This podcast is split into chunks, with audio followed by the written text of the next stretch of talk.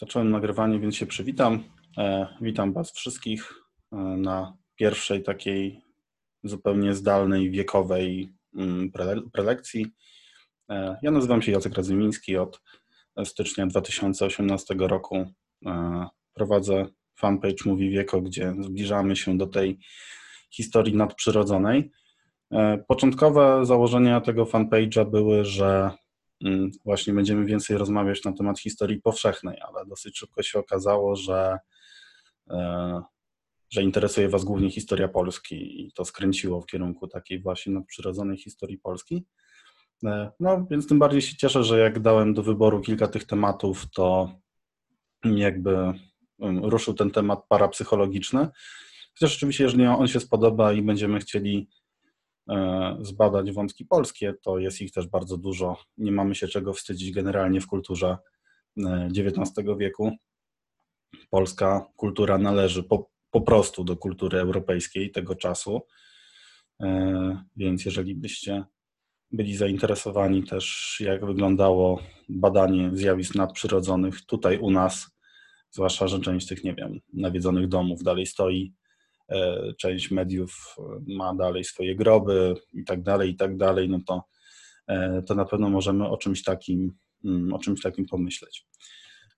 No a tymczasem już przejdziemy sobie. Ja swoim starym zwyczajem oczywiście sobie przygotowałem mm, kilka zdjęć, żebym nie popłynął w jakieś totalne, w jakieś totalne mm, dygresje. E, jeżeli będziecie mieli jakieś pytania, to, e, to na czacie je zadawać. To może być nie, do końca dobry pomysł, e, bo jak udostępniam mm, ekran, to tych pytań nie będę widział, tylko będzie mi, mm, będę słyszał, że ktoś coś napisał. No ale oczywiście na koniec będzie jakaś, jakaś dyskusja i jakieś pytania. No zatem tak, no, parapsychologia generalnie teraz ma status paranauki. E, zajmowanie się parapsychologią mm, raczej nam nie pomoże w zrobieniu kariery akademickiej. Nie, zdo, nie, nie zdołamy e, dzięki temu przekonać Komitetu no, Noblowskiego, żeby wręczył nam nagrodę w no, chociażby fizyce, chemii, bo parapsycholodzy epoki, o której będziemy mówić, raczej zdobywali e, Nagrodę Nobla w tych kategoriach, chociaż zdobywali też Nagrody Nobla literackie zdobywali też Nagrody Nobla w ekonomii. Wtedy generalnie zajmowały się parapsychologią elity. E, no i trochę sobie dzisiaj porozmawiamy o tym właściwie, skąd ta parapsychologia się wzięła. E, na jakie pytania próbowała odpowiedzieć, no i kto na nie odpowiadał i dlaczego stało się tak, jak się stało, e, że tematy ezoteryczne przestały nam się kojarzyć zupełnie z nauką, że po prostu szeroko rozumiana ezoteryka wykształciła swoje, nazwijmy to, własne autorytety e, i dlaczego te drogi się, mm, te drogi się rozeszły. E, a zaczyna się ta historia w zasadzie w wieku XVIII.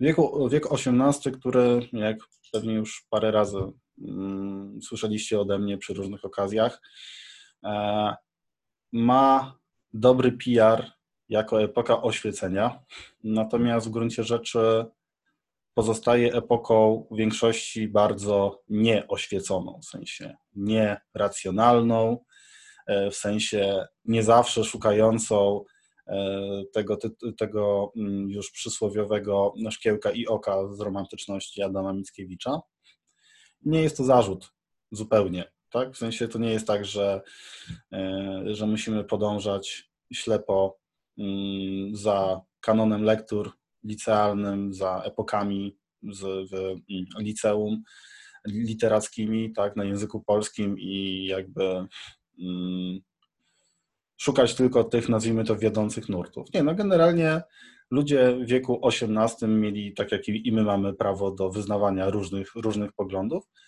i e, cała masa osób w tym XVIII wieku e, skupiała się na powrocie do folkloru, że mm, właśnie wiek XVIII z, tymi, z, tym swoim pierwszym wielkim powiększeniem się świata. E, z tym, że rzeczywiście transport po, poprawił się na tyle, komunikacja poprawiła się na tyle, imperia kolonialne europejskie stały się rzeczywiście mocarstwami światowymi, e, zdobywa wiedzę o świecie, o różnych ludach, e, o ich religiach, o roślinach, które tam rosną, o zwierzętach, które tam żyją.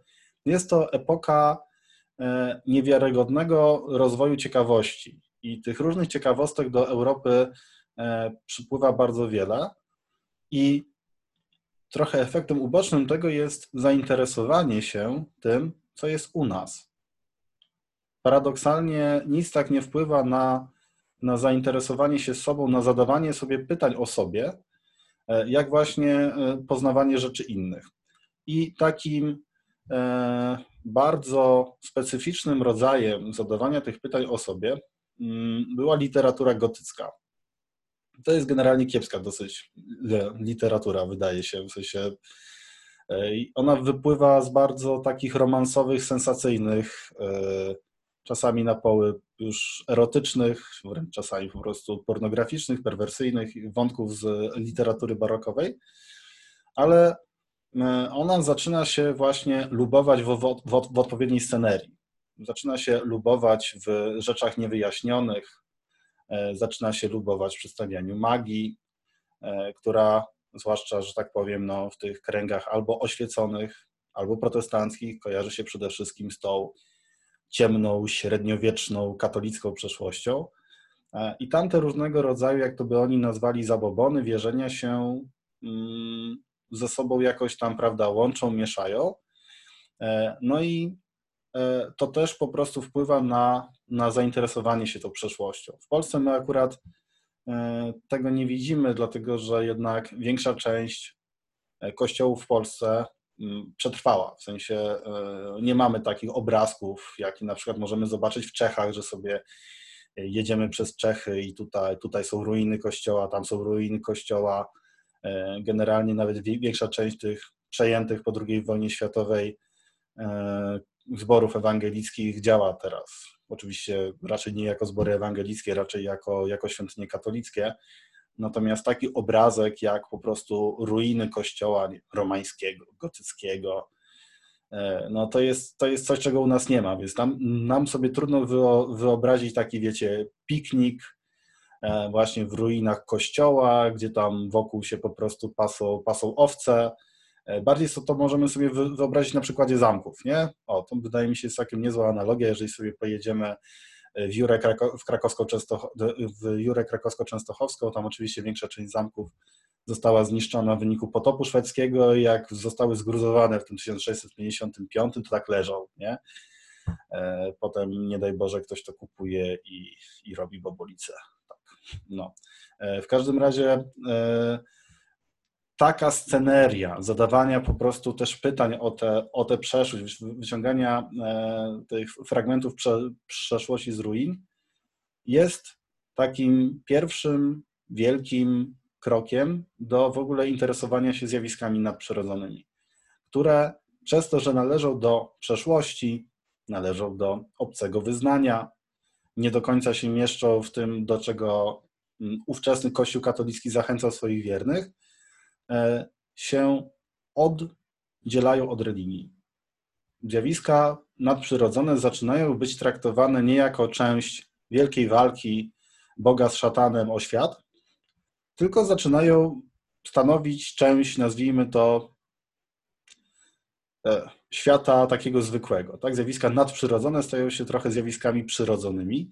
E, tym bardziej, że skoro o tym będziemy sobie jeszcze dzisiaj chwilę mówić, e, nasze wielkie wyjście europejskie na świat e, powoduje, że znamy coraz lepiej folklor ludów, które o chrześcijaństwie czy o mm, religiach pogańskich przedchrześcijańskich, tych grecko-rzymskich, helenistycznych, nigdy nie słyszały, więc siłą rzeczy e, nie jesteśmy w stanie e, powiązać na przykład e, japońskich jurei tak, z, z taką no, demonologią chrześcijańską. One się po prostu w tym wszystkim nie mieszczą. I to powoduje, że, że zainteresowanie nimi staje się już nie częścią jakiegoś religijnego doświadczenia, to tylko po prostu ludzie światowi, jeżdżący w różne miejsca, rozmawiający z różnymi ludźmi, mogą napotykać tego typu historie, tego typu opowieści, czy nawet spotykać, jak twierdzą, tego typu, tego typu istoty. E, druga, druga ważna kwestia, która się pojawia w wieku XVIII, e, to jest może nie tyle powstanie, ile e, uporządkowanie takiego nurtu zwanego od Franza Mesmera, niemieckiego lekarza XVIII-wiecznego, mesmeryzmem.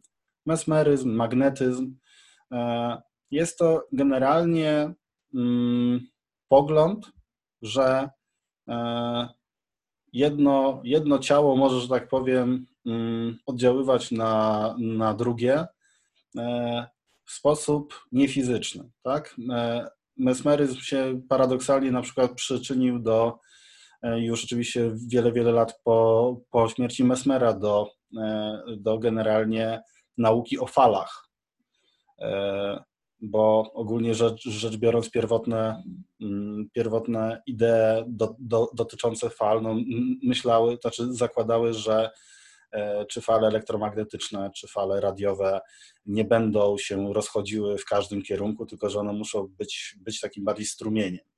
E, natomiast no tutaj właśnie e, ci badacze, którzy się gdzieś tam zetknęli z mesmeryzmem, właśnie zaczęli się, się zastanawiać, czy to nie wygląda E, czy to nie wygląda trochę, trochę inaczej. E, oczywiście mesmeryzm e, i magnetyzm przegrał ostatecznie.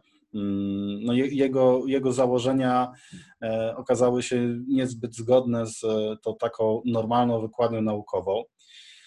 Natomiast do dnia dzisiejszego mesmeryzm jest na przykład podstawą, choć pewnie wiele osób by się nie zgodziło z takim założeniem, bo czerpią z trochę innych źródeł, ale jest to ale jest to mimo wszystko bardzo podobne z e, tymi wszystkimi naukami o aurach, o bioenergii, tak? Bioenergoterapeuci w gruncie rzeczy e, bardzo często posługują się teoriami, które, które po raz pierwszy w Europie przynajmniej opisał Mesmer w XVIII wieku.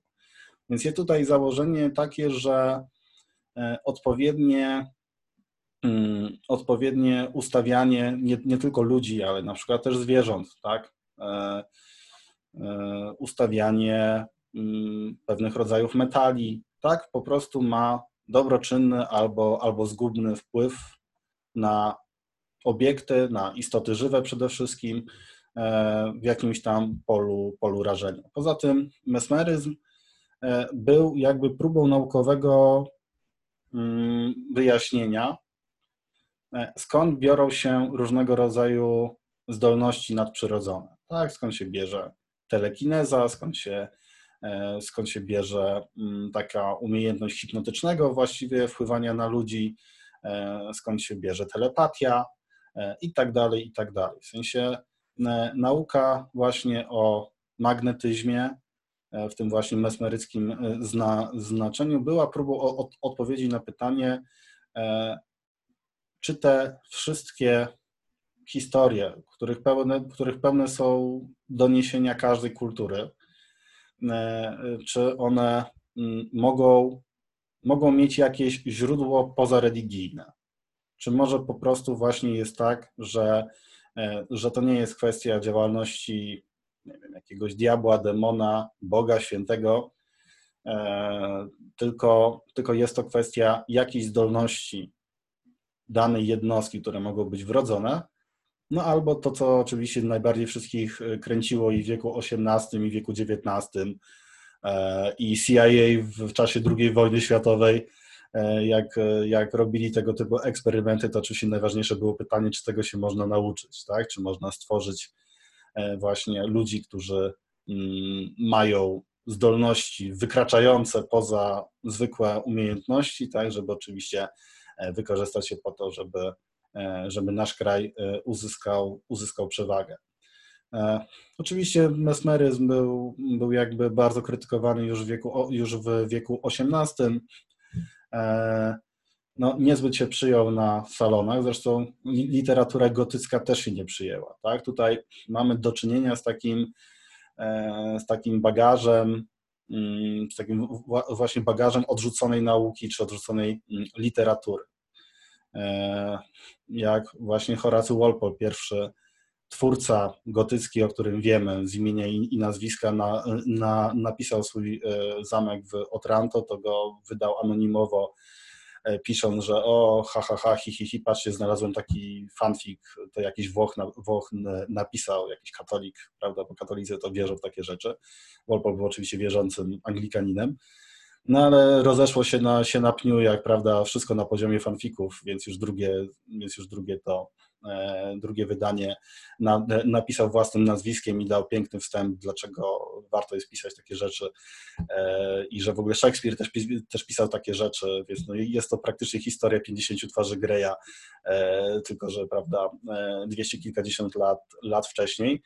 No ale nie da się ukryć, że tego typu literatura i wychodząca z niej literatura grozy chociaż mogła trafić do Hollywood ostatecznie, e, to dalej nie jest, e, nie jest takim rzeczywiście cieszącym się kanonem e, literatury. Tutaj w ogóle wspomnę, bo to jest mimo wszystko bardzo istotne, zwłaszcza jak będziecie sobie, nie wiem, sami czytać coś na przykład ezoterycznego, czy w ogóle zajmującego się zjawiskami nadprzyrodzonymi z różnych perspektyw, że właśnie zarówno literatura gotycka, jak i mesmeryzm e, bardzo wspierają taką narrację, że cały ten nadprzyrodzony bagaż, cały bagaż ezoteryczny e, to jest taka mm, ciemna plamka kultury europejskiej, e, że jest to taki jungowski cień, że powodem, dla którego to nas tak fascynuje, Powodem, dla którego gdzieś to się cały czas e, przewija w tle, jest kwestia tego, że my, kultura Zachodu, do której należymy, tak czy inaczej, odrzuciliśmy wiele elementów e, własnej, własnej tożsamości. E, no i, no i przez to, że nie, że nie daliśmy tym elementom odpowiedniego jakby miejsca w naszej kulturze, no to dlatego nas trochę tak, na, tak mm, nawiedzają, tak? żeśmy je po prostu strącili w jakąś, w jakąś, per, w jakąś perwersję. Ta teoria oczywiście ma, swoje, ma też swoich przeciwników, no ale nie da się ukryć, że e, to świetnie widać na, na przykładzie Japonii, tak? gdzie, e, gdzie na przykład wiarę, wiarę w duchy, wiarę też w możliwość na, nawiedzonego domu na początku XXI wieku e, deklarowało no, kilkadziesiąt procent, tak grubo, grubo ponad połowa e, ankietowanych Japończyków i wcale to nie było tak, że to jest starzejące się społeczeństwo i tylko wierzyli w to ludzie, mm, ludzie starsi, ludzie młodzi jak najbardziej w Jurej też, że tak powiem, e, wierzą i to chyba nie jest kwestia popularności horrorów tych japońskich. Mm, no, gdzie oczywiście no, u nas, jak byłyby tego typu tego typu badania, to by, jeśli by nie daj, nie daj Boże wyszły podobne wyniki, no to byłby, byłby wrzask, jaka to jest po prostu e, ciemnota i zabobon i nigdy do niczego nie dojdziemy, tak, no, gdzie no, Japonia, jak widać, może mieć, e, może mieć jedno, jedno i drugie, ale ten motyw odrzucenia jest ważny i o tym motywie odrzucenia będziemy jednak sobie, e, sobie mocno, mocno mówić. No i przechodzimy do wieku XIX. Wiek XIX jest wiekiem wielkiej rewolucji, wielkiej przemiany. E, świat przyspiesza wtedy. To jest ten moment, jak to ładnie Stanisław Lem ujął, e, wyskoczenia przez, przez okno cywilizacji Zachodu. Cywilizacja Zachodu właśnie teraz się rozpędza co, coraz bardziej, czyli, czyli, czyli coraz bardziej spada. Nie wiadomo, co będzie za te ileś tam metrów w dół. Na razie spadamy i jak sobie tak spadamy, to się nas ludzie pytają, E, jak nam się leci i mówimy, że nie, póki, póki co całkiem fajnie, tak? Więc nie wiemy, jakie mamy, jakie mamy e, konsekwencje tego skoku, ale wiemy, że lecimy, że ten świat nam się zmienia, że w zasadzie każde pokolenie e, ma mnóstwo doświadczeń, których poprzednie pokolenie jeszcze nie miało. I ten rozwój, niesamowity rozwój w XIX wieku, rewolucja XIX wieku polega również na tym, że mm, istnieje przekonanie, tutaj u nas, w e, zachodniej mm, cywilizacji, że możemy wyjaśnić wszystko, że e, to jest tylko kwestia czasu, kwestia jakiejś tam pracy, ale uda się zapanować nad wszystkim, że uda się oczywiście tam dzielić i łączyć kontynenty przy pomocy kanałów i mostów, że uda się mm, zdobyć kosmos, e, że uda się wyleczyć wszystkie choroby. E, to są te takie elementy mm, tej takiej wszechwiary w, człowieka, w której, z której się, że tak powiem, no, ocknęliśmy stosunkowo niedawno i niestety efektem jest, jest wielki spadek zaufania do kogokolwiek, w tym do, w tym do naukowców.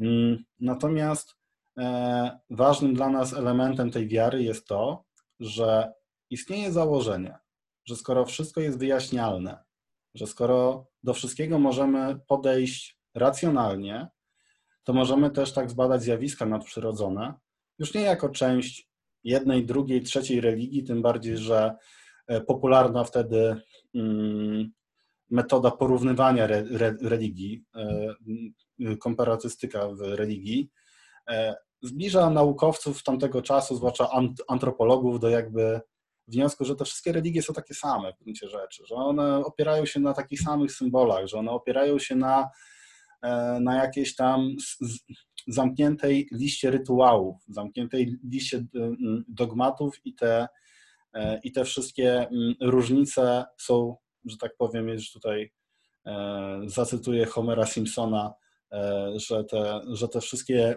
niewielkie różnice są niczym wobec niewielkich podobieństw. I przez to na przykład zjawiska nad, nadprzyrodzone stają się po prostu częścią no, spekulacji całej masy mm, przedstawicieli różnych zawodów. E, psychiatrów, e, filozofów, których, no to powiedzmy XIX wiek jest os, ostatnią epoką, e, gdzie można być takim takim mm, kla, kla, klasycznym socjologiem, znaczy, Boże, tfu, filozofem, teraz nam został Sławoj Żyżek z tych osób praktycznie, które, które się zachowują tak jak ci XIX-wieczni filozofowie. Mm, E, medycyna szeroko rozumiana, e, no, różnego rodzaju po prostu badacze dnia, dnia, dnia codziennego. Oni wszyscy patrzą na to, że e, ludzie, z którymi oni pracują, pytania, jakie, jakie sobie te, te nauki stawiają, muszą jakoś się odnieść do zjawisk nadprzyrodzonych, które pamiętajmy, mm, no, były, były po prostu uważane za dużo bardziej powszechne niż dzisiaj.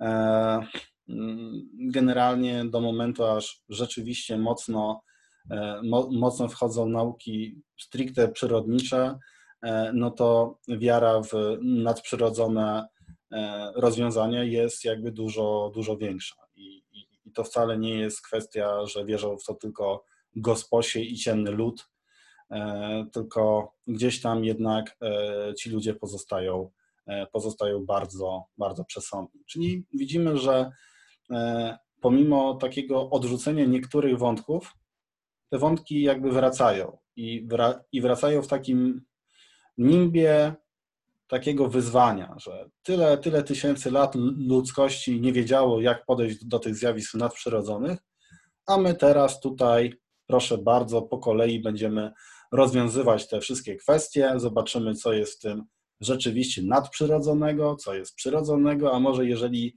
istnieje, że tak powiem, na przykład życie pozagrobowe, e, które ostatecznie okaże się wizytówką parapsychologii i, i, i tych e, i w ogóle kwestii nad, nadprzyrodzonych aż do, aż do pojawienia się kosmitów, e, to, mm, to, że można to po prostu rozwikłać zupełnie w sposób, w sposób naukowy. E, I zaczynają ludzie, różni ludzie, szukać właśnie wyjaśnień tych zjawisk nadprzyrodzonych i okazuje się, że z tego wszystkiego jest naprawdę niezły biznes. E, mamy tutaj e, trzy panie, które mm, no, nie są dzisiaj jakoś, jakoś chętnie przypominane, chociaż, no, chociaż wiek XIX ewidentnie ma też ich twarze że wiek, wiek XIX, wiek lewitujących stolików by nie miał, by nie przyjął ta, takiego obrotu, gdyby nie panie Lee Kate i Margaret Fox, tak zwane siostry Fox, no, które, które utrzymywały, że są medium, mediami, zawsze to jest śmieszne przy próbie odmiany tego w liczbie mnogiej, bo, bo, bo może potem wyjść, że na przykład media kłamią, media to oszuści i wtedy no cóż, znaczy nie żeby, nie żeby w innym kontekście nie było to prawdziwe, ale zawsze jakieś takie zabawne. W każdym razie te panie były mm, jakby no prekursorkami ruchu, e, który potem przejął spirytualizm.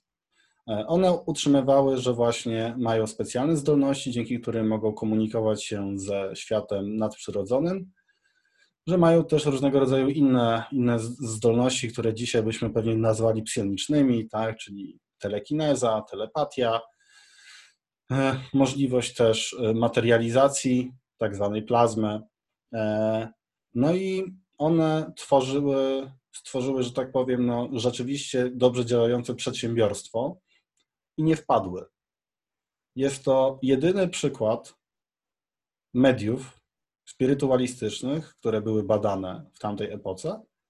Aż do powiedzmy II wojny światowej się bada te media rzeczywiście dobrze. E, I one były jedyne, które, których e, nie przyłapano na żadnym oszustwie. Ale były oszustkami. E, a były oszustkami, to wiemy dlatego, że, że, dwie, że dwie z nich, e, mianowicie Kate i Margaret, e, bardzo mm, źle zniosły sławę. Mianowicie się rozpiły strasznie, a z rozpicia i życia ponad stan wychodzą straszne długi. No i jako, że były, że miały kupę żalu do swojej naj, naj, najstarszej siostry Lich, no to no, która jako, jako jedyna nie piła i była osobą, e, że tak powiem, kompetentnie zarządzającą pieniędzmi, więc oczywiście ją oskarżyło o to, że, ją, że je okradła, że, że te pieniądze powinny być ich i że w ogóle wzięła, wzięła więcej sławy niż powinna e, i tak dalej, i tak dalej. E, no więc dały się przekonać, żeby za no, całkiem niezłą, jak na tamte czasy, sumkę opowiedzieć w gazecie E, jak one to robiły. I, i, to, I to oczywiście artykuły są jakby zachowane, to jest, to jest sprawa dosyć, e, dosyć jasna.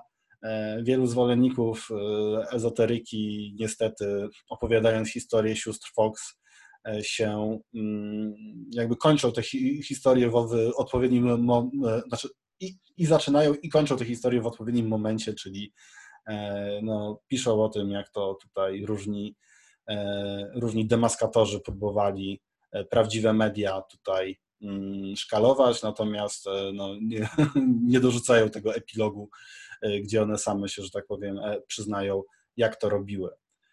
Natomiast ich jakby znaczenie właśnie daleko wykracza poza fakt, że, no, że, że znały kilka, kilka trików. One, one po prostu stworzyły pewne wyobrażenie, kim jest medium spirytualistyczne. E, właściwie jeszcze wtedy po prostu medium, bo jakby spirytualizm jest trochę taką teoretyczną e, nadbudówką mm, pod to, znaczy spirytualizm przejął seansę po prostu. E, no i te nasze wyobrażenie i wyobrażenia już z epoki, tak, że na przykład medium w większości wypadków jest kobietą, E, że na przykład medium powinno być z e, nizin społecznych mm, albo przynajmniej z jakiegoś egzotycznego kraju.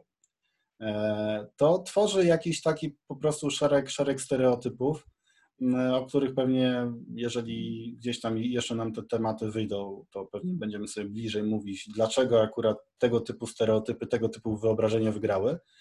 No ale nie da się ukryć, że się ukształtował pewien, pewien kanon, w który musieli oczywiście wejść, e, wejść para, parapsycholodzy. E, bo w zasadzie od samego początku, skoro żyjemy w epoce takiego właśnie wzmożenia, no to wszelkiego rodzaju sensacyjne ciekawostki przyciągają. Nie, nie przyciągają tylko tak jak, tak jak teraz jest to pokazywane w horrorach klasy B albo horrorach klasy Z w zasadzie, gdzie prawda do, do jakiegoś opuszczonego domu, oczywiście na terenie Nowej Anglii, w Halloween wchodzi, prawda, grupka, grupka nastolatków i hu, hu, hu, hi, hi, hi, nawiedzony dom. E, tylko tego typu rzeczy że, rzeczywiście interesowały ludzi z elit. E, mamy to akurat właśnie, jak a propos wątków polskich, to mamy wspaniałą relację Sokratesa Starynkiewicza, już jako byłego prezydenta Warszawy, e, który razem, razem z Bolesławem Prusem prowadzi paranormalne śledztwo po tym, jak, ten, jak, jak właśnie wzięli E, wzięli udział w jednym z, seansów. Obaj są, że tak powiem, widać mocno zainteresowani, zaintrygowani, co to jest.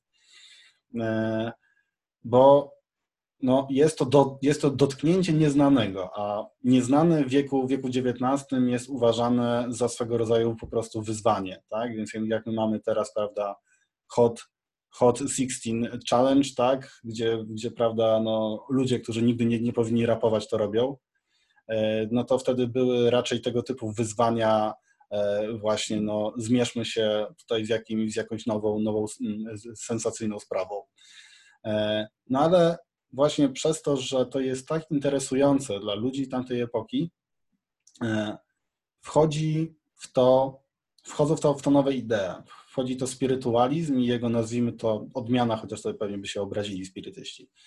E, czyli, czyli spirytyzm, tak? czyli że w zasadzie wokół tych różnych materializacji, e, wokół tej telekinezy, wokół tych pojawiających się zmarłych, e, gdzie ci zmarli wcale nie są najważniejsi jeszcze w XIX wieku, mm, tam się zaczynają pojawiać odpowiedzi, które nie są odpowiedziami ze świata nauki, tylko są odpowiedziami filozoficznymi, religijnymi, e, w, za, w zasadzie spirytualizm, e, a jeszcze większej, że tak powiem, formie spirytyzm, e, ma bardzo wiele cech wspólnych z religiami. Ma swoją eschatologię, na przykład w spirytualizmie jest duży wątek pod tytułem Zmarli przebywają na Księżycu. On jest taki no, na, na poły fizyczny, a na poły po prostu mm, no, sięgający do, do takich pierwotnych symboli związanych z księżycem. Księżyc, który się, e, którego cykl ma prawda, 28 dni. 28 dni ma też oczywiście cykl menstruacyjny kobiety, więc, e, więc księżyc jest kobietą, e, księżyc jest symbolem odrodzenia. Księżyc w ten sposób się jakby łączy z Matką Ziemią, tak, że tutaj po prostu jest to, to jeszcze to bardzo stare podejście tak, atawistyczne, że z Ziemi wyszliśmy, do Ziemi mm, zmierzamy, więc tutaj Księżyc jest takim trochę przeszczepionym kawałem Ziemi, jak się jeszcze wtedy pojawiają te idee potwierdzone, tak, w sensie, że kiedyś, kiedyś Księżyc i Ziemia był jednak y, jednym, jednym ciałem niebieskim, no to już, no to już wszystko było, tak, żeby, żeby tworzyć tego typu teorie. E, no poza tym jest to eschatologia niezależna od jakby e, czynów człowieka, więc jest e, więc się przeciwstawia eschatologii chrześcijańskiej, tak, bo tutaj wychodzi na to, że zarówno dobrze ludzie, jak i źli ludzie e, tak samo się cieszą, jak umrą. Mm, w przypadku spirytyzmu e, mamy oczywiście przeszczepione różnego rodzaju wątki wschodnie e, i to raczej te środkowo-wschodnie. Mamy, mamy naukę o, o reinkarnacji, więc wokół tych takich ciekawostek, mm, sensacji, tworzy się od razu ich jakieś takie uzasadnienie wychodzące poza, poza nazwijmy to, dyskurs. I rzeczywiście e, to też sprawia, że krytyka wokół tego, e, wokół tego rośnie i nie tylko, i, i, i tym się będą też zajmować właśnie parapsycholodzy. Parapsycholodzy, którzy generalnie chyba bardziej niż ludzie swojej epoki są zachwyceni wschodem orientalizm XIX-wieczny e, jest e, prawdziwą modą, taką no, z prawdziwego zdarzenia. E, do tego oczywiście stopnia, że jak jesteśmy w Egipcie, to oczywiście musimy sobie na pamiątkę kupić mumię, którą potem sobie postawimy w salonie i będzie miło. Mumie były wspaniałym prezentem na, jako prezent ślubny, podobno są. Ja nie znalazłem tego, w sensie będę, będę to musiał przejrzeć, bo, że tak powiem, widziałem takie powyciągane z prasy reklamy mumii właśnie, mm, e, właśnie brytyjskie, ale nie miałem czasu sam tego poszukać, więc, ale, ale widziałem takie no takie po prostu no, no, normalne rysunkowe reklamy, kup pan mumię, mumia jest świetna, nie? I że tak powiem e, sprzedawane ludzkie zwłoki na dokładnie tej samej zasadzie, e, jak się handluje wszystkim, no i taka mumia też była dobra na, dobra na, na wszystko, a jeżeli nie wiem, żona nie będzie zadowolona z prezentu, no to zawsze można taką mumię spalić i podobno wspaniały, piękny zapach tych olejków sprzed tysięcy lat się, prawda, E, e, rozniesie, więc taka mumia mogłaby być nawet e, no, jakimś odświeżaczem do powietrza, nie? No i oczywiście tego, tego, tego typu historii jest więcej. To nie jest tylko Egipt. To jest wielkie odkrycie Indii, wielkie odkrycie Chin, wielkie odkrycie Tybetu. I przez to, że tam mamy do czynienia z, ta, z takimi starożytnymi cywilizacjami, E, to jednak jest, jest, jest duże zainteresowanie, co te cywilizacje mówią, e, żeby jakoś uzupełnić nasz, nasz e, zachodni obraz.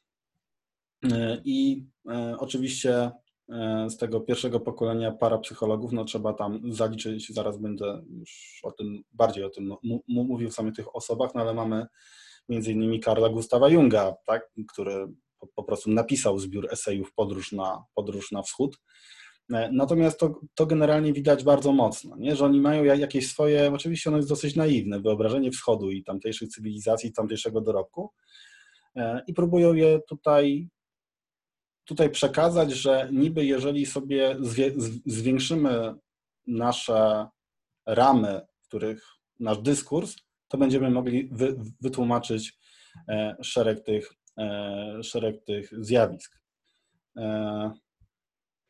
No i tutaj rzeczywiście, żebym nie, żebym nie pomieszał nazwiska, bo Sidwick, tak, Henry Sidwick, e, który mm, będzie założycielem e, pierwszego towarzystwa badań, badań para, parapsychicznych, e, który generalnie był psychologiem, etykiem, filozofem, nauczycielem akademickim, zresztą E, współzałożycielem e, pierwszego koledżu na terenie Wielkiej Brytanii, w którym e, właśnie kwestii związanych z psychologią, rozumiane oczywiście jako nauce o duszy ludzkiej,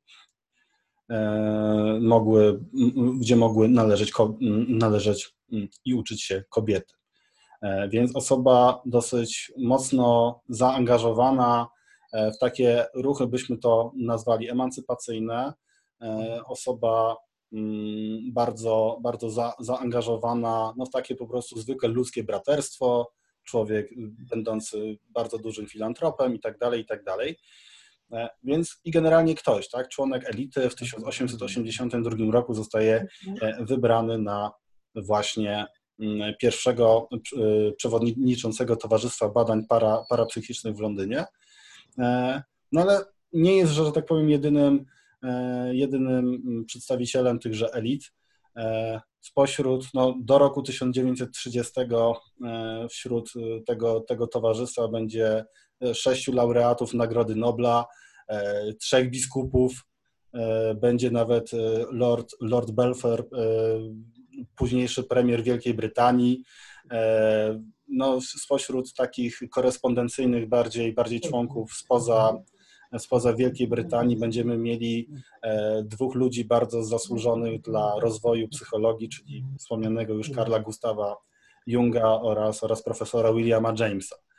E, będziemy mieli tam e, całą masę literatów, całą masę fizyków, naukowców. Tutaj spośród tych naukowców to myślę bardziej kojarzymy wynalazek niż twórcę, ale Sir, Sir Oliver Lodge któremu w zasadzie e, zawdzięczamy mm, kilka tych patentów, dzięki którym e, w końcu stworzono e, bez, bezprzewodowy telegraf, nie? czyli w zasadzie my bardzo nie doceniamy telegrafu, wydaje mi się, natomiast telegraf, znaczy nazwanie telegrafu wiktoriańskim internetem moim zdaniem jest w pełni uzasadnione, no i, i właśnie z jednej strony Sir Oliver Lodge właśnie jest człowiekiem mm, od fal, radiowych, od fal elektromagnetycznych jest bardzo mm, ścisłym umysłem. No.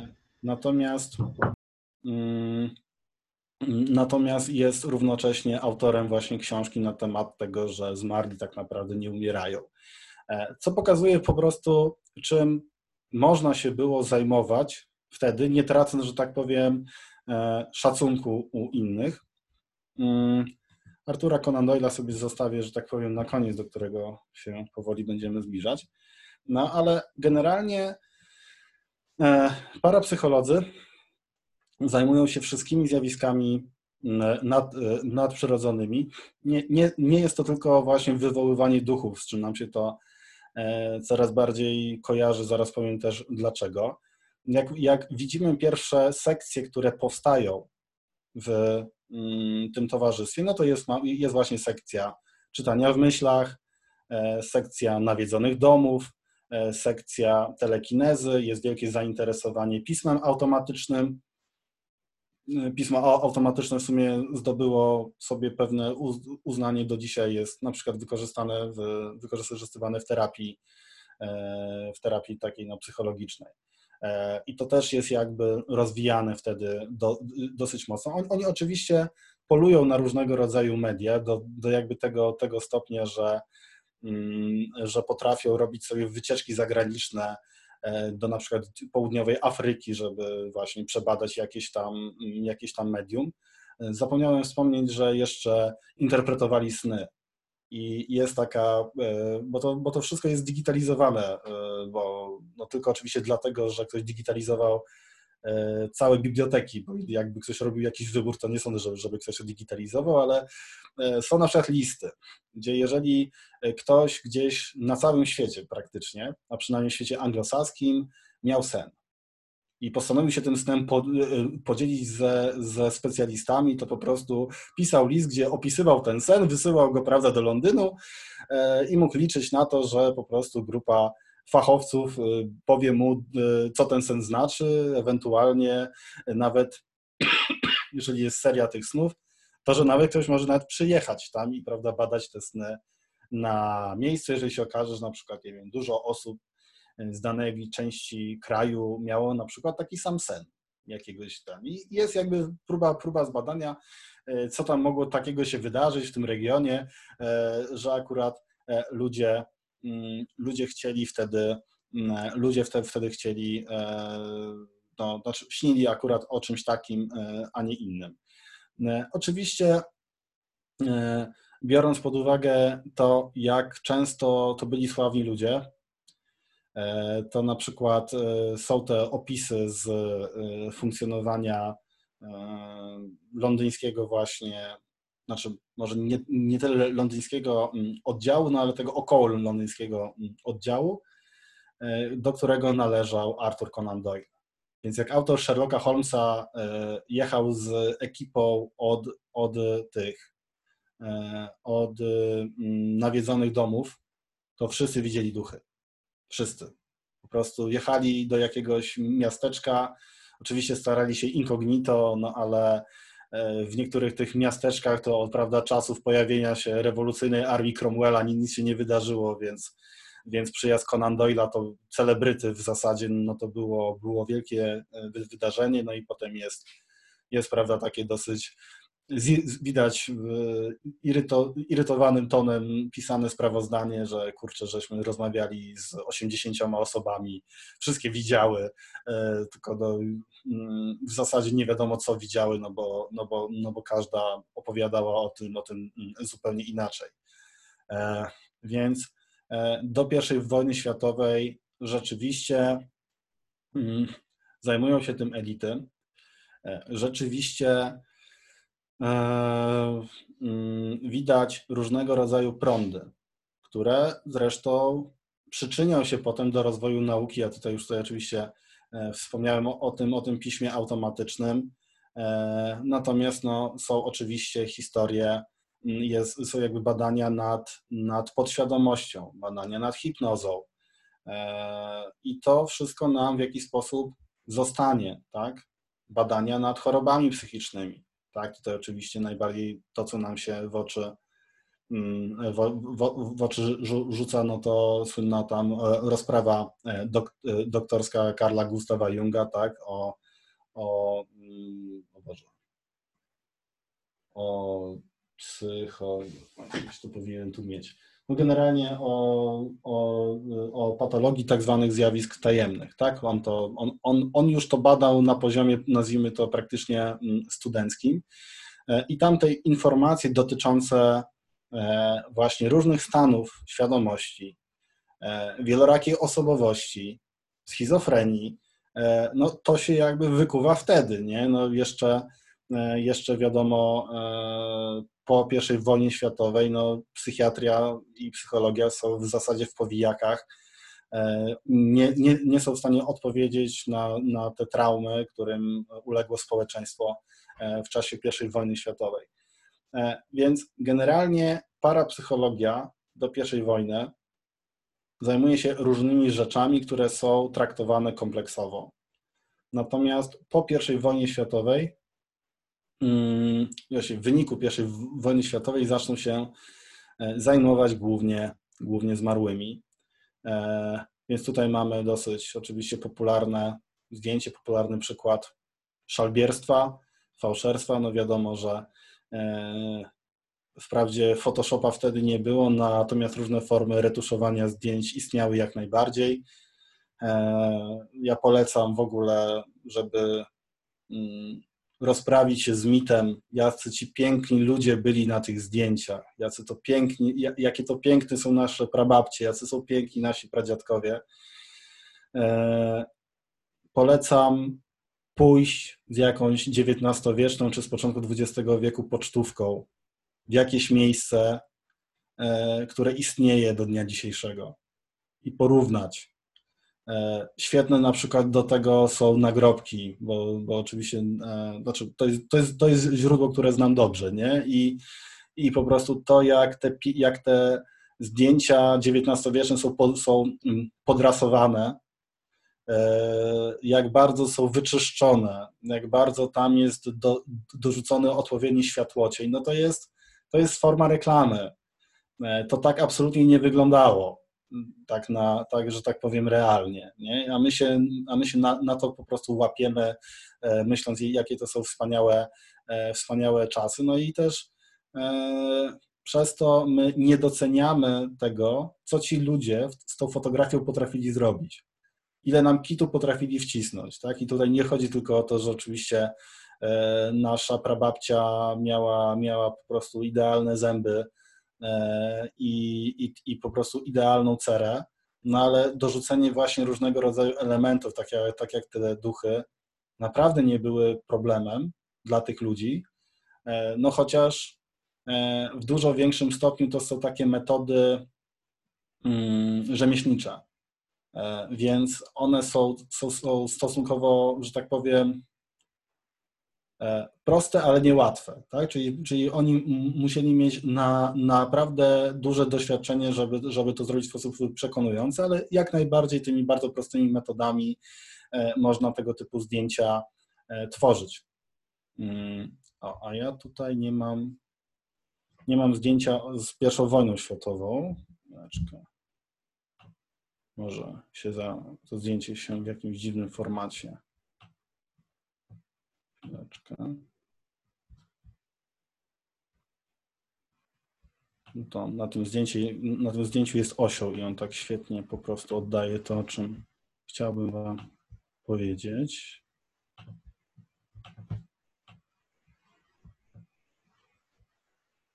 Nie mam tego, zaraz.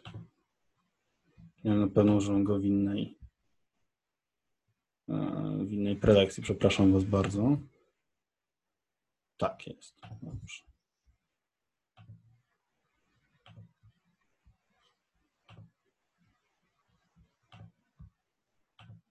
To jest jedno z moich ulubionych zdjęć z I wojny światowej. E, że tak powiem, zawsze w czasie, jak omawiam działanie gazu bojowego, to, to, to pokazuję, zwłaszcza jak prowadzę lekcje dzieciom, bo jest tam zwierzę osiołek, więc zawsze to budzi bardzo duże poruszenie na sali. Bo generalnie pierwsza wojna światowa miała, miała trwać krótko, trwała 4 lata, miał tam praktycznie nikt nie zginąć, a zginęło 20 milionów ludzi. A potem jeszcze zginęło nie wiadomo dokładnie ile w wyniku, w wyniku Hiszpanki. Nie? I było to doświadczenie absolutnie traumatyczne dla, mm, dla całej Europy, bo nawet w czasie wojen napoleońskich tyle osób nie zginęło. E, zresztą wojny napoleońskie były 100 lat wcześniej, więc no, mało, mało kto żył, kto by to pamiętał w 14 roku. Mm, w zasadzie od, od czasów wojny 30-letniej nie było w Europie takiej depopulacji, E, jaka była w czasie I wojny światowej. No, wojna 30-letnia trwała lat 30, a wojna e, światowa trwała lat 4, więc to, że tak powiem, przemiał był dużo, dużo szybszy. Mm, no i to powoduje gigantyczny wzrost zainteresowania komunikacji ze zmarłymi. Bo wojna miała trwać krótko, e, chłopcy mieli pojechać, chłopcy mieli przeżyć. W ogóle mm, społeczeństwa Europy nie były totalnie przygotowane na tę wojnę. E, I o ile e, jeszcze w Polsce to, to jakoś wygląda, w sensie widzimy to na przykładzie wspomnień, widzimy to na przykładzie pieśni, tak, jest taka piękna pieśń, a gdy na wojenkę szli, szli ojczyźnie służyć, to tam mamy taką po prostu scenę pożegnania z prawdziwego zdarzenia, że ci ludzie mogą zginąć. E, że tam właśnie jest ta, jest ta właśnie, jest tam opowiadana historia o tym, jak to po prostu, e, no, że te mm, żony, matki, córki, siostry by, naj, by, by najchętniej po prostu rzu, rzuciły się na, się na próg, żeby, e, żeby oni mm, nie wyszli, że dzieci najchętniej by się po prostu u, u, u, uwiesiły strzemion, żeby, żeby tata nie wychodził, że, że ci ludzie wychodzą E, przed dom, a tam, a tam e, gradowa chmura, e, kruk kracze, nie? No wszystko jak w sumie trzeba, tak? Idziemy, po, idziemy na, na wojnę, z której możemy nie wrócić. Natomiast w krajach zachodu mm, oni szli na tę wojnę jak na majówkę w zasadzie. To było takie, a no to prawda, po prostu pojedziesz sobie, poznasz ludzi, zobaczysz kawałek Francji, a we Francji ładne, ładne dziewczyny, hehe. Do zobaczenia za, za miesiąc, jak już tych, prawda, Hunów pokonasz. I jest mnóstwo osób, mnóstwo rodzin, które z tego, z tego, z tego powodu mają gigantyczne poczucie, że się nie pożegnały z tymi swoimi poległymi. Zwłaszcza, że ci polegli nie wracają, nie? Oni są grzebani po prostu tam, gdzie, E, tam, gdzie padli, a czasami w jednym dole pochowana ręka, a dwa kilometry dalej reszta ciała. E, więc jest niewyobrażalny wręcz popyt na, na kontaktowanie się ze zmarłymi. No i tak jak to mamy teraz, prawda, jak się okazało, że udało się, na, się naciągnąć całą Unię Europejską na tam kilkaset tysięcy maseczek, e, no to szarlatani nie, nie, nie próżnują, jest popyt, jest podaż. No i raz, że parapsycholodzy zaczynają się zajmować głównie weryfikacją tych, którzy się komunikują ze zmarłymi, no ale przede wszystkim ludzie, którzy przez lat naście e, badają te media i zawsze udało się udowodnić jakieś szalbierstwo, jakieś fałszerstwo, no to jak nagle wzrasta liczba tych mediów, tych przypadków, tych oszustów coraz bardziej bezczelnych, E, no to oni powoli mm, zaczynają w tę sprawę po prostu wątpić. I to, i to że tak powiem, widać, widać mocno w tym kryzysie, który będzie już po I wojnie, wojnie światowej, e, gdzie generalnie ludzie zajmujący się zjawiskami nadprzyrodzonymi podzielą się na, na dwie kategorie. Pierwsza kategoria to są badacze, którzy jeszcze to będą badać, jeszcze będą przynajmniej do tej E, II wojny światowej mm, próbować szukać tych realnych zjawisk nad, nadprzyrodzonych. E, na podstawie tego, co, co się dzieje, bardzo korzystają psycholodzy, którzy właśnie no, mają dostęp do bardzo dużej e, liczby osób w jakiś sposób straumatyzowanych. No ale ta liczba maleje. Ludzie, którzy się, za, się, się zajmują zjawiskami nadprzyrodzonymi i widzą, że to jest jedna wielka blaga, w przypadku tych oczywiście mediów, które, które się ogłaszają, no szukają sobie, że tak powiem, innych, innych y, rozrywek, tym bardziej, że pierwsza, że pierwsza wojna światowa e, rozpocznie mm, rewolucję technologiczną, która trwa w zasadzie do chwili obecnej. Nie? Więc generalnie e, naukowcy różnych dziedzin, a i wszystkich, które wymieniłem, mają naprawdę dużo innych rzeczy na głowie niż sprawdzanie, e, czy prawda ten duch no to nie jest przebrana służąca medium, tak? Na przykład. Mm, no i jest druga grupa, druga grupa e, tychże badaczy, e, która została przekonana o prawdziwości tej, nazwijmy to, no, filozofii, religii. To już się robią po prostu wyznawcy, tak? czy spirytualizmu, czy spirytyzmu. E, wtedy właśnie ten orientalizm zaczyna przechodzić w po prostu zainteresowanie tymi no, to, są, to nie, nie, do końca są religie, no, ale tymi myślami wschodu, tak? E, to jakby wtedy się rozpoczyna trwająca do dnia dzisiejszego popularność buddyzmu, czy raczej tego, co na zachodzie Europy myślą, że to jest buddyzm, e, konfucjanizmu, taoizmu, tak? No, shintoizm no, jakby ze zrozumiałych względów mniej, nie? Ale generalnie e, ci ludzie zostali po prostu przekonani, tak? stali się wyznawcami danej idei e, i skoro te ich idee, mm, skoro te ich czasami nowe religie, wyznania e, akceptują e, istnienie zjawisk nadprzyrodzonych i to tutaj znowu z tym pełnym ich zakresie, czyli łącznie z telekinezą, telepatią i tak dalej, i tak dalej, to oni po prostu wykorzystują swój udział w szanowanym jeszcze Towarzystwie Badań Parapsychicznych, żeby po prostu prozelicko e, nawracać. E, I osobą, która to robi, która jest swego rodzaju takim no, e, symbolem tych właśnie przemian, no, będzie Arthur Conan Doyle.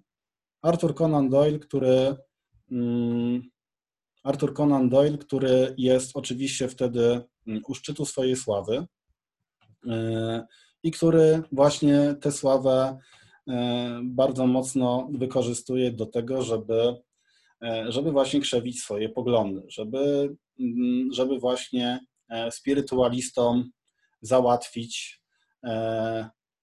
możliwość wykładania w renomowanych salach Londynu, który właśnie swoim autorytetem, swoją, swoją słabą, swoim, swoim powodzeniem żyruje całe to środowisko. E, no i robi to, robi to w sposób wyjątkowo bezczelny. W sensie są, można sobie e, zobaczyć e, dysputy, znaczy zobaczyć, przeczytać oczywiście, dysputy z udziałem Conan Doyle'a. Bardzo, bardzo taką, takim ciekawym spojrzeniem jest książka jednego z adwersarzy twórcy Sherlocka Holmesa, Jacobem Mac, Mac Cabe'em, który sam jest wyjątkowo mało sympatyczny, w sensie to jest takie starcie totalnych buców, wszystkie stereotypy o prawda, Anglikach y, na, na 150 stronach. To nie jest długa książka. E, on, on, on, on na, napisał takie, taką, taką pozycję, e, czy spirytualizm jest oparty na, na fałszerstwie i tutaj akurat e, w przeciwieństwie do do większości sensacyjnych y, nagłówków w prasie obecnej czy w internecie odpowiedź brzmi tak, według niego. E, no i, no i on po prostu też tam opisuje te, te, te, te wszystkie zagrywki manipulacyjne, które prawda, Doyle mm, stosuje na zasadzie takiej, że właśnie e, w momencie, kiedy, kiedy znaczy tuż przed czy tuż po tym, jak, e, jak ma podpisywać swoje, swoje książki, Conan Doyle to akurat robi tę dysputę, E, poza tym e, używa takich po prostu chwytów erystycznych na zasadzie takich, ja jestem wielki, wielki Conan Doyle i ja w to wierzę, a pan kim, kim pan jest w zasadzie, nie? E, więc jest w tym bardzo dużo takiej, mm, takiego obrażania adwersarza po prostu ku uciesze tłumu, który jest po prostu zachwycony, że nie dość, że Arthur Conan Doyle pisze takie, takie, takie wspaniałe rzeczy, no to jeszcze no on, on sobie nie daje w kaszę dmuchać jakiemuś tam po prostu gryzi, gry, gry, gryzi piórkowi, więc no to tak trochę jak brada Scientolodzy, tak, e, z Johnem Travoltą na czele, nie, czy, czy prawda, z Tomem Cruzem. Też, też, też, też, też jest to przykład tego, jak ludzie znani z czegoś innego e, wykorzystują mm, swoje możliwości, żeby promować w to, co, to, to, w co wierzą. No tylko, że Arthur Conan Doyle był dużo bardziej de destrukcyjny dlatego, bo jednak E, jednak te, to, to, to środowisko parapsychologiczne nigdy nie było duże. Więc, e, więc jak on e, przekona ponad połowę osób w zasadzie, które biorą udział w towarzystwie, żeby praktycznie to towarzystwo przejęło, potem oni, oni z tego towarzystwa wychodzą w taki bardzo, że tak powiem, ostentacyjny sposób, E, z nimi, że tak powiem, oczywiście odchodzi cała masa sponsorów, cała masa składkodawców. E, no więc w, za, w zasadzie można by powiedzieć, że do tego 1930 roku e, Conan Doyle zniszczył środowisko londyńskie. Oczywiście tych towarzystw jest dużo więcej, tak? One się już na przełomie XIX i XX wieku one się mnożą. I jest ich dużo zarówno w Europie, jak i, jak i poza Europą. Natomiast no, nie da się ukryć, że, że, taki właśnie, że takie właśnie publiczne zniszczenie mm, Towarzystwa e, Badań para, Parapsychicznych bardzo wpłynęło na po prostu obraz, obraz para, parapsychologii. Oczywiście parapsychologia będzie miała swoje jeszcze kilka, kilka takich etapów wzlotu, bo będziemy mieli drugą wojnę światową, która E, ma dużo okultystycznych wątków, których tutaj w ogóle nie będę zaczynał. Możemy sobie zrobić prelekcję na temat, e, na temat astrologów Hitlera. To jak będzie, będzie, będzie Hitler w nazwie, to pewnie miliony osób przyjdą na tę prelekcję. E, tak, bo Hitler tak działa po prostu, bo przynajmniej cały rynek księgarski tak myśli, że jak da Hitlera, Hitler, Hitler, to, to będzie się sprzedawać te książki. W każdym razie e, będzie miała jeszcze kilka wzlotów. Wielkim wzlotem E, będzie mm, psychoza latających talerzy w Stanach Zjednoczonych. To jeszcze starzejący się Jung świetnie opisze. E, no tutaj oczywiście pewnie wszyscy kojarzycie Wojnę Światów i tę i te, psy, i mm, psychozę strachu, która, która, która powstała. E, natomiast generalnie wizja, żeby naukowcy zajmowali się mm, zjawiskami nadprzyrodzonymi, upadła i ezoteryka wytworzyła swoje własne autorytety. E, świetnie do tego, że oczywiście się e, przyczynił New Age. Mm, e, I w, zasadzie w chwili obecnej już te drogi się rozeszły, chociaż jest paru, paru jeszcze naukowców, którzy na przykład badają hipnozę, badają, badają na przykład neurobiologiczne pod, podstawy aktywności mózgu właśnie przy okazji zjawisk nad, nad, nadprzyrodzonych, no ale jeżeli im się powie, że są para, parapsychologami, to nas wy, wyrzucą z gabinetu, bo w chwili obecnej w przeciwieństwie do tego, jak to wyglądało 100 lat temu, no, na, nazwanie parapsychologiem to już jest po prostu obelga. E, tak, na koniec ja wiem, że skoro jesteście na tej prelekcji, e, to raczej e, lajkujecie wieko od jakiegoś czasu, no ale wrzucę to na to na YouTube'a, więc y, moment tej obrzydliwej autoreklamy. E, jeżeli Wam się to w miarę podobało albo się nie podobało, to i, i, i chcecie pokazać, jaki jestem straszny i zły, to oczywiście też można to udostępniać. Mm, będę pewnie to wrzucał już e, na pewno w czwartek.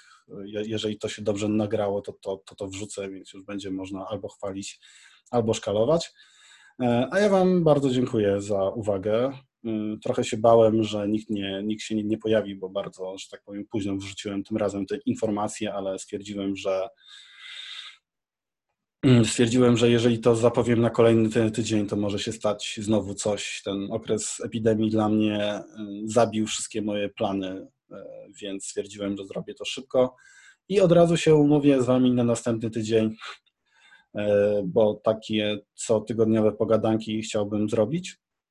Mm, I wtedy, i wtedy sobie po prostu będziemy rozmawiać pewnie trochę luźniej niż tutaj na, na tam różne tematy.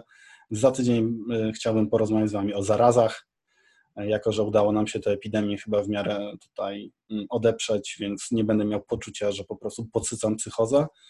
No a potem będę coś tam proponował, ale jeżeli będziecie mieli własne propozycje, to oczywiście chętnie je, chętnie je uwzględnię. A na razie widzę, że jest 7 po, więc bardzo Wam dziękuję. Jeżeli są jakieś pytania, to oczywiście e, bardzo chętnie na nie odpowiem, czy uwagi.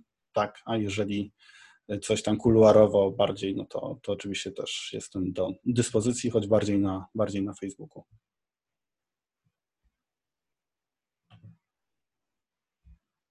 No to się może.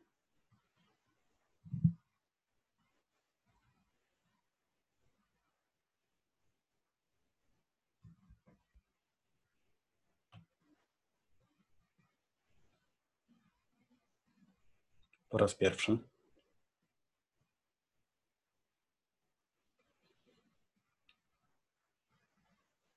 Po raz drugi. Ojejku, Marcinie, możesz mi zadać pytania niezwiązane z tematem? Tak, zadzwoń.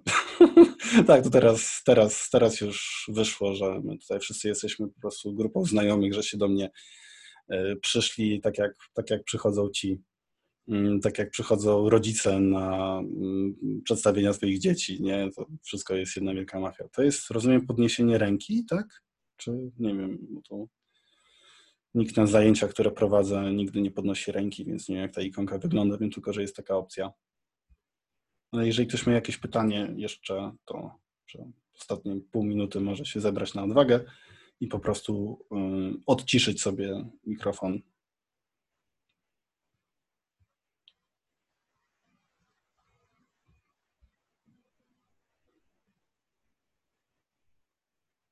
No dobra, no więc bardzo Wam dziękuję. Za tydzień, jak mówię, będzie o zarazach. E, pewnie ta druga prelekcja, taka poważna, która będzie, mm, drugie miejsce chyba zajęły te mm, e, zajęły teorie spiskowe o Polakach w XIX wieku, więc to pewnie sobie zrobimy za trzy tygodnie, żeby też Was jakoś e, nie obciążać akurat tym. Mm, więc życzę miłego wieczoru, dziękuję za wysłuchanie. Na razie.